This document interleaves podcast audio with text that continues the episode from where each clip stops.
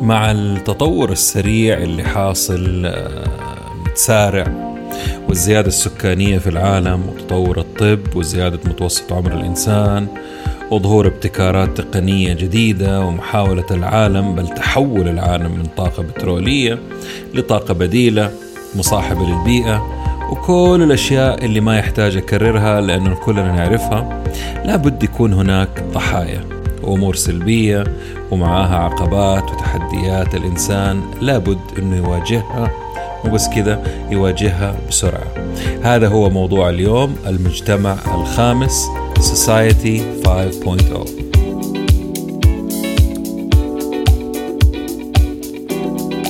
أهلا وسهلا. عالم البزنس عالم مثير كبير متغير وله جوانب مختلفة. ولأنه موضوع يهمنا وطفشنا من التنظير والتكرار والفلسفة اللي ما وراها فايدة. صرت أدور الدروس والمفاهيم والطرق الجديدة والعبر من القديمة وتأثيرها على حياتنا اليوم وبكرة. أتناول أي شيء له صلة بعالم الأعمال من قريب أو بعيد. مقابلاتي مع المفيدين بس. بودكاست عالمي متجدد بنكهة محلية. وأهم شيء أهم شيء عملي وعربي. يا هلا وسهلا بالجميع في بودكاست نتكلم بزنس مع ممدوح الردادي.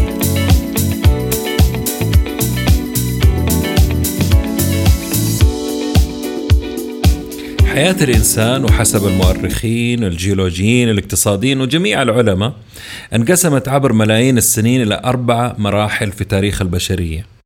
أول هذه المراحل اللي يسموها المجتمع الأول أو Society 1.0 وهو كان زمن الصيد والتجميع هانتر جاذرر آه زي ما العنوان يوضح الإنسان البدائي.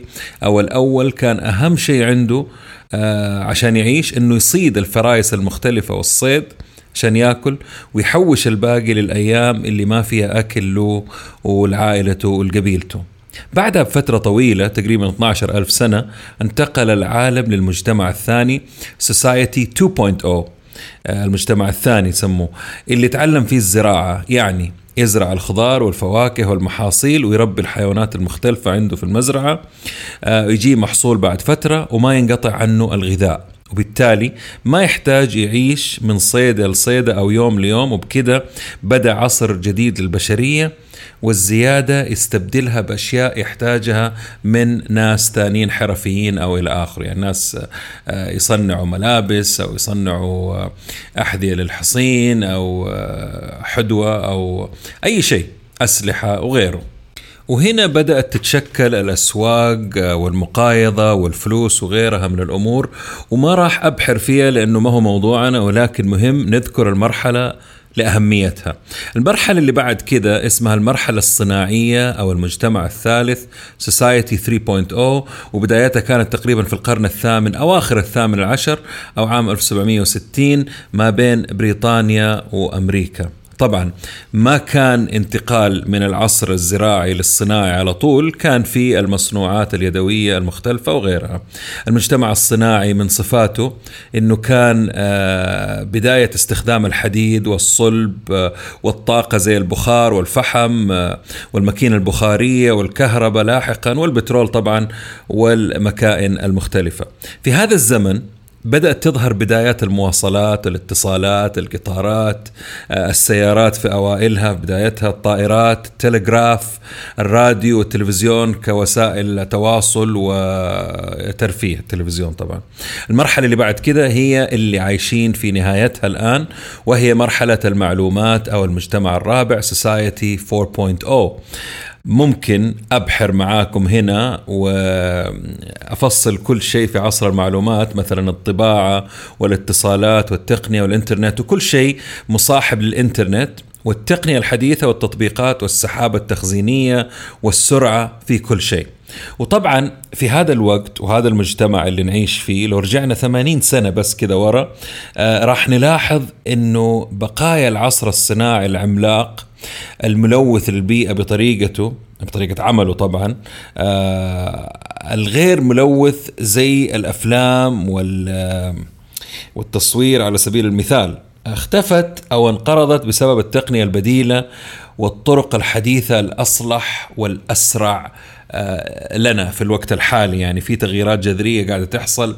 الإنسان عدو ما يجهل. و أكيد آه، لما لما بدأت الثورة الصناعية بالدخان والإحتراق الحراري والأشياء هذه ما كانوا يعرفوا إنه حتضر البيئة بالطريقة هذه. كان الهدف الرئيسي إنه تصنع أكثر. وتصنع آه، بأرخص وتحسن الإنتاج زي ما إحنا عارفين يعني. والآن عرفنا إنه هي ضرت الكوكب وبدينا نتوجه توجه عالمي لأشياء حديثة.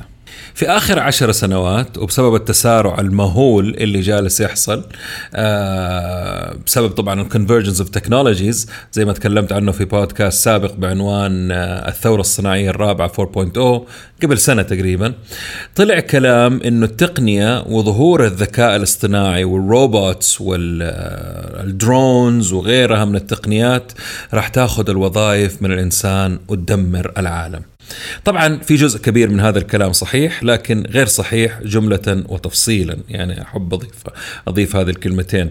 لأنه اللي جالس يحصل التاريخ بيكرر نفسه وبنفس الطريقة آه إنما بطريقة حديثة وسريعة. أقوى الدول في العالم والسعودية من ضمنهم الجي 20 عارفين هذا الشيء وجالسين يستعدوا له بشكل رائع. مع اختلاف الأدوار طبعا آه، كل بلد باللي عنده بالبلدي زي كذا. وزي ما تكلمت في البودكاست السابق اللي حصل في التطور العالمي والتقنية والتسارع إنه العالم بدأ يحصل فيه ضغط على الوظائف التقليدية آه كذلك استقطاب في مستويات المعيشة. يعني أنتم بتتكلموا على تباعد المعيشة والثروات في العالم وانكماش في الطبقة الوسطى العالمية. العالم يبغى يتجه نحو الفرد وجودة حياته مبتعدا عن الصناعات والاهتمام بجودتها وتحسينها. مو معناته إنه راح يصنع أشياء آه، أي كلام وما ما لها داعي يعني. لا ابدا. لكنه راح يحاول يسوي نفس العمل ولكن آه، التوجه راح يكون جودة حياة وزيادة القيمة المضافة له وحل مشاكله. هذا هو التوجه العالمي. الأسباب طبعا كثير جالسه تزيد وما نقدر نطنش آه، لبعدين زي ما يقولوا. أمور زي زيادة الثروات في العالم وتباعد المستويات بتزيد يعني المستويات الاجتماعية. حياة الإنسان بسبب تطور الطب بتزيد يعني آه، بتطول عمر الإنسان. كبار السن يبغوا خدمات وحياة أفضل. العولمة والاقتصاد بيزيد ومتطلباته قوية ومؤثرة على كل العالم. المنافسة ما عادها محلية. أصبحت المنافسة اللي أنت بتسويه المنتج أو الخدمة أو الشيء اللي أنت بتعمله المنافسة بتجيك من العالم. وأصبحت شرسة كمان مو بس كده. منافسين غير تقليديين خارج سوقك. بيجوا بيشوفوا فرصة عندك بيدخلوا ينافسوك في نفس سوقك. ومختلفين الضحايا كثير. في جميع المستويات آه، كبيرة وصغيرة وكل شيء بينهم يعني.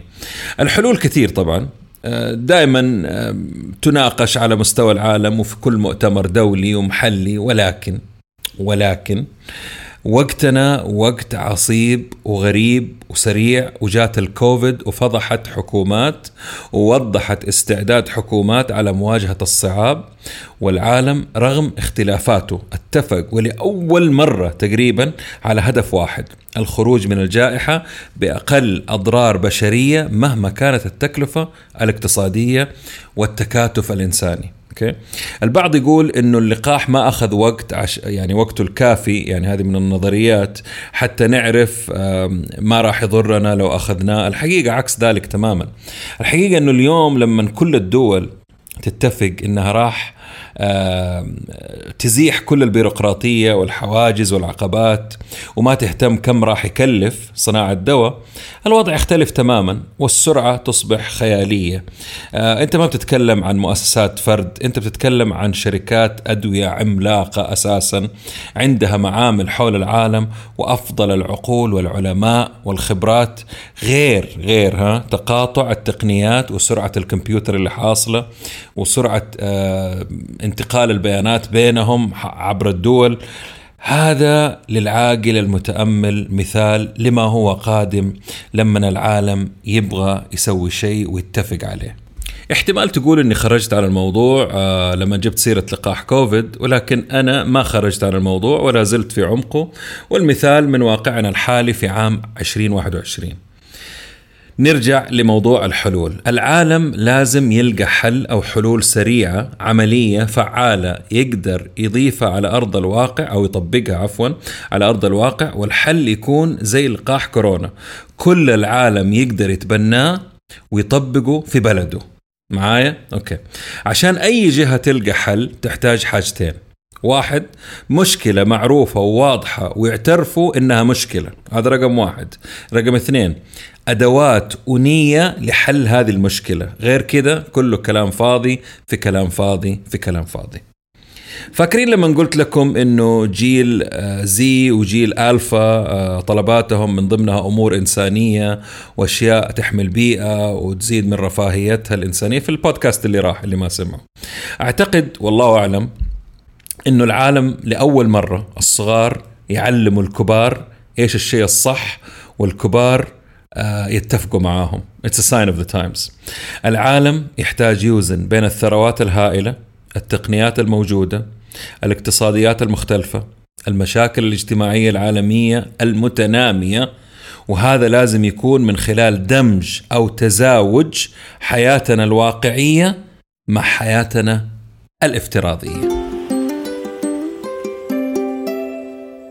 زي تكاتف العالم لما نواجه جائحة الكورونا اللي نعيشها راح يتكاتف الكل مع بعض البعض لمواجهة أمرين أو عدة أمور جالسة تحصل اللي هي البولرايزيشن أو الاستقطاب في الدخل في الوظائف في الثروات في الرواتب أمور البيئة إلى آخره. خليني أهدي شوية. الهدف الأسمى العالمي اليوم للمستقبل هو توازن بين التقدم الاقتصادي العالمي وإيجاد حلول لمشاكلنا الاجتماعية المختلفة.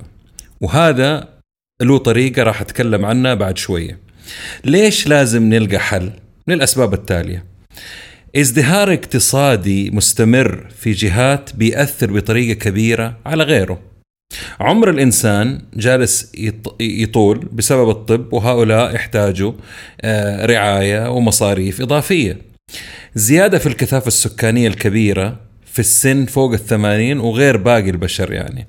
العولمة المنافسة العالمية الشنيعة وزي ما ذكرت قبل شوية تمركز الثروات العالمية لدى فئة بسيطة جدا طب الحلول إيش هي الحلول محتاجين حلول من هذه الحلول تخفيض نسبة الغازات المضرة للكوكب والمحافظة على البيئة بشتى الوسائل.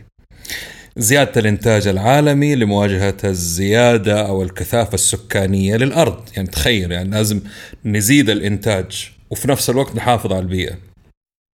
تخفيض الهدر الغذائي العالمي هذا شيء أرقام مهولة لو بس دخلت جوجل ودخلت وسالته كم الهدر الغذائي العالمي راح تنفجعوا. آه الشيء الثاني تخفيض التكاليف الصناعية هنا وهناك. بناء مصانع sustainable أو مستدامة، إعادة توزيع ثروات الأرض بطريقة عقلانية تعايشية والاهتمام آه بالدول الفقيرة أكثر ومعالجة مشاكلها بطرق عملية. كمان نحتاج تحسين إقليمي لجودة الحياة.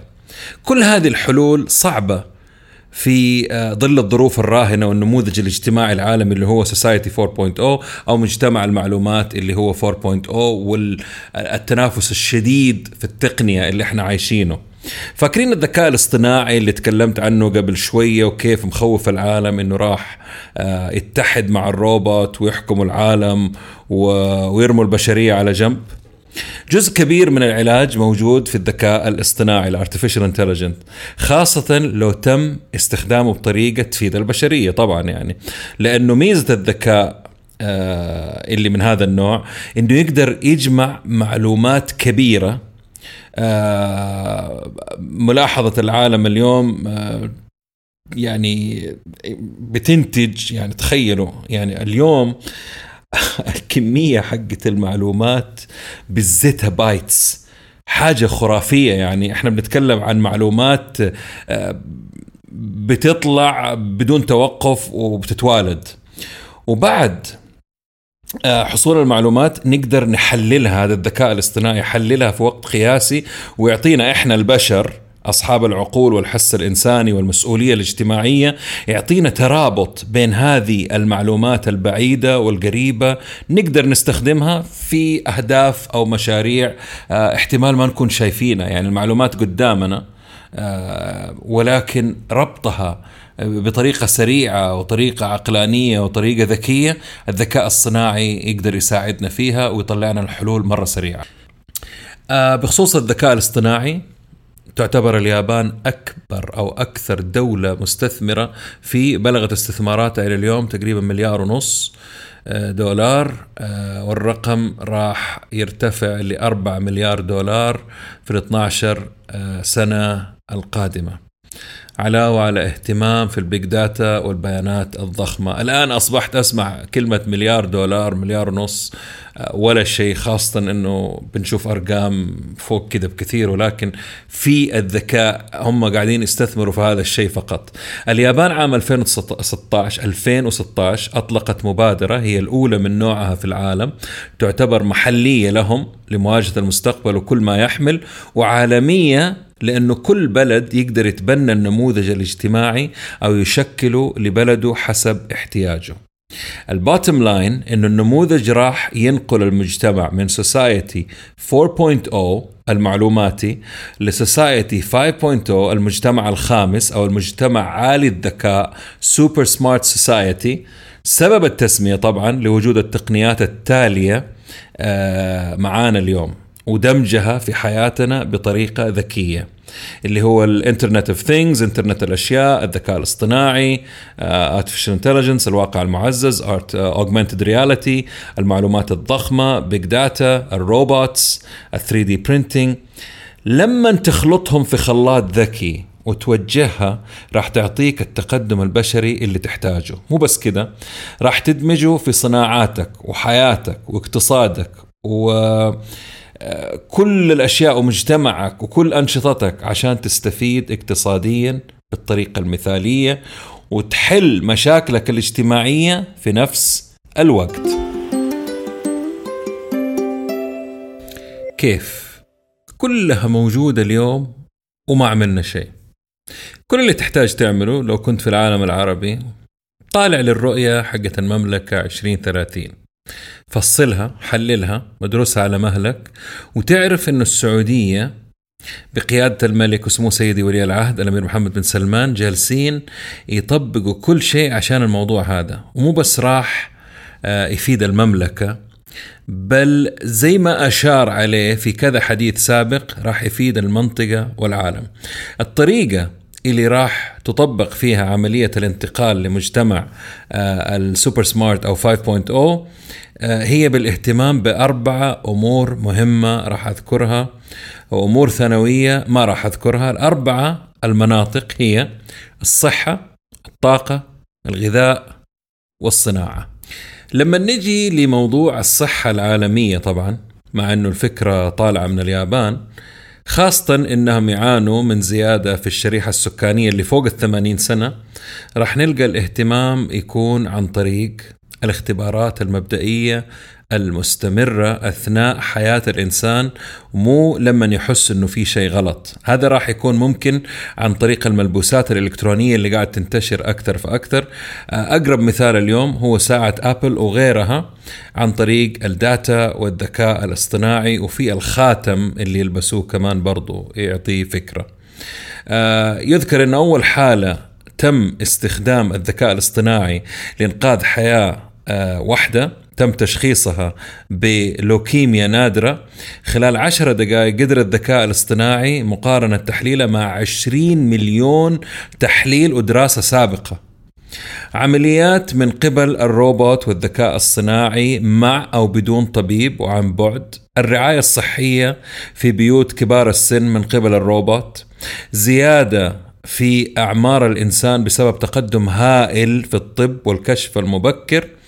ودراسة الجينات وعلاج أمراض قبل حدوثها تخفيض التكلفة الهائلة اللي تدفع آه، اللي بتندفع للقطاع الصحي والأدوية والتأمين الطبي. لما نجي لموضوع الطاقة أو ال green energy الطاقة الخضراء المستدامة الطاقة الح... الحبوبة للكرة الأرضية آه راح نشوف على مستوى السيارات والمصانع إنه في شركات خلال خمس سنوات راح تتوقف تماما من صناعة سيارات تمشي بالبنزين والديزل وتكون كهربائية 100% غير الدول اللي بتهدد ورايحة توقف كل السيارات البترولية من دخولها لبلدها البداية دائما تكون نظرية. بعدين كم سيارة؟ بعدين تجارب سنين. بعدين سيارة نصف. نصف كهرباء نصف بنزين بعدين كذا وراح تستمر الحكاية. بعدين سيارة كهربائية مية في المية. بعدين محطات كهرباء بدل محطات وقود وهكذا. راح يتم تنويع مصادر الطاقة والابتعاد شوية شوية عن الطاقة الأحفورية الكربون آه يعني ال carbon footprint التوجه للصناعات المحلية لتخفيض الخطوة القدمية الكربونية الأحفورية. حلو الترجمة هذه الخطوة القدمية الكربونية carbon footprint لأنك راح تخفض آه العمليات اللوجستية والنقل والحرق وغيرها فبالتالي تخف آه عمليات الحرق. محاولة العمل على إيجاد طرق تعطينا طاقة خضراء مستدامة بمعنى الكلمة غير متقطعة. هي هذه المشكلة أنها بتتقطع الطاقة ما هي مستمرة آه، ولازم تكون قوية في نفس الوقت. إحنا بنتكلم عن drones تبغى تشيل ناس فالبطاريات والأشياء هذه آه، الطاقة لازم تكون قوية.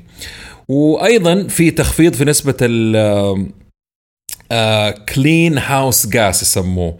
uh, كيف ترجمتها هذه؟ الغاز غاز البيت النظيف أوكي؟ اللي هي carbon dioxide واللي بسببها uh, تزيد حرارة الأرض وقد uh, تتسبب في وفاة أكثر من 3 مليون إنسان قبل وقته بسبب الإشعاعات الضارة. يعني أي شيء يساعد هذه العملية راح يكون له مكانة عالية في العالم لأنه في أجيال جالسة تراقب وتفحص كل شيء في كل مكان وتتكلم مع بعضها البعض. لما نجي لموضوع الأكل والغذاء كيف نتصرف؟ عندنا مشكلتين عالمية معروفة للكل. لا دقيقة في أربع مشاكل في الغذاء واحد زيادة في الهدر ورمي الأكل من قبل كثير من الناس والبلدان آه، اثنين عدم وجود أكل في بلدان كثيرة وناس بتموت من الجوع. آه، هذا كله بيحصل في نفس الزمن ونفس الوقت ونفس الكوكب ها؟ ثالث الأمور بلدان سكانها يعانوا بل بيموتوا من الوزن الزائد. أو أنا ما أدري ليش بضحك. المهم يعني آه، حاجة غريبة ترى على فكرة. الناس بيموتوا من الوزن الزائد وبلدان سكانها عبارة عن هياكل عظمية متحركة. يعني هذه آه، أربع المشاكل في الغذاء. فاذا الحلول القادمة لازم واحد تقلل الهدر في الأكل وتعرف كيف توزعه بطريقة سليمة. اثنين تعالج الفقر في الغذاء. ثلاثة تصنع الأكل محليا وتوصله بطرق حديثة وسريعة. أربعة زيادة الإنتاج في الغذاء لاستقبال المليار الجديد على الكوكب اللي جايين. خمسة الزراعة الأفقية في كل آه، العمودية مش الأفق العمودية في كل مكان. آه، ستة ميكنة المزارع ومصانع الغذاء وإدارتها بالروبوت وال internet of things وغيرها زي ال artificial intelligence سبعة التحالف مع الجهات الصحية من أجل سلامة الإنسان. ثمانية وجود حد غذائي عالمي لكل فرد من سكان الأرض. يعني كل إنسان لازم ياخذ أقل اللي هي الحد الأدنى من الأكل زي الأجور مثلا. وغيرها من الأمور راح تكون ممكنة مع التقنية لما تتقاطع مع الحس الإنساني وذكائه الصناعات واضحة الاستعدادات المبكرة من كم سنة لكن راح تحصل أمور أخرى من ضمن المجتمع الخامس أو ال super smart society. إيجاد إمدادات قيمة أفضل وأسرع وأقل تكلفة متفاعلة مع الحاضر آه، بل متفاعلة مع الطلبات اللحظية. أفضل مثال اليوم شركة زارا للملبوسات. راجعوا في عندي بودكاست تكلمت آه، في هذا الموضوع آه، يعني أبحرت في الموضوع. الصناعات الأوتوماتيكية عند الحاجة من قبل الروبوت والتنبؤ الذكي لحاجة السوق من المنتجات الصناعات. يعني مثلا بحكم الذكاء الصناعي دراسته للسوق وشايف الرفوف وال internet of things كلها لما تتفاعل مع بعض بنعرف إيش راح ينقص قبل ما ينقص في السوق حسب الطلب حسب المتغيرات حسب السوسايتي اللي هو فيه كل الأشياء هذه راح تساعدنا إنه إحنا ما نصنع شيء زيادة عن اللزوم. آه زيادة الوعي العالمي للصناعات المستدامة المصاحبة للبيئة في جميع الوسائل والمناهج الدراسية والعملية كذلك. يعني نبدأ ندرسها نتعلمها من سن مبكر. آه إيجاد أماكن وحلول للعاملين في المصانع. اللي الروبوت والذكاء الاصطناعي راح ياخذ محلهم والطرق طبعا كثيرة وسبق وتكلمنا فيها. ولكن آه راح تحصل لأنه آه في أشياء الروبوت والذكاء الاصطناعي ما يقدر يعملها. أخيرا جينا لنهاية هذا البودكاست اللي تكلمت فيه عن المجتمع الذكي جدا المجتمع الخامس سوسايتي 5.0 اللي هو super smart society بقيادة اليابان من عام 2016 وبداية تنفيذه منذ 2019 واللي أساسا رؤية آه، من 2014 عندهم. الهدف راح أخليه على شكل مثال. المجتمع راح يتمحور حول ومن أجل كل فرد. أعيدها. المجتمع راح يتمحور حول ومن أجل كل فرد. بالتالي كل البزنسز كل الجهات كل الإدارات كل الأماكن الشغل العالم راح يتمحور حول هذا الشيء. آه وليس مستقبل متمحور حول عالم يدير الروبوت وذكاء اصطناعي. الهدف هو تسخير كل هذه التقنية الحديثة الذكية اللي اخترعنا اللي إحنا اخترعناها وابتكرناها وطورناها من أجل الإنسان وراحته. طبعا هنا آه، أبغى أحط مداخلة بسيطة إنه في مهارات لازم الإنسان آه، أهم عشرة مهارات الإنسان لازم آه، يتعلمها هذه سجلوها عندكم كذا اللي هو واحد يتخصص في إيجاد حلول لأمور معقدة اثنين التفكير النقدي ال critical thinking ثلاثة الابتكار creativity أربعة إدارة الأفراد الناس وإلى آخره خمسة التعاون مع الآخرين. ستة الذكاء العاطفي. طبعا التعاون مع الآخرين أنت بتتكلم على تعاون مع تقنيين تعاون مع حرفيين تعاون مع مجتمعات إلى آخره. الذكاء العاطفي ال social intelligence القرارات التفكير الخدماتي ال service thinking التفاوض ال negotiation skills المرونة الذهنية. هذه هذه أشياء مرة مهمة يكون الإنسان حتى لو ما هو متخصص فيها يدرسها على جنب وفي إمكانيات اليوم نقدر نسويها. الإنسان لابد يعيش حياة هنيئة. ممتعة سهلة داخل إطار آمن ومريح له ولعائلته. لا يشغل باله بالأمور الروتينية اللي هي إحنا بنسويها كل يوم المملة اللي ممكن الأجهزة تسويها. هذا هو الهدف العالمي آه، القريب والمستقبلي.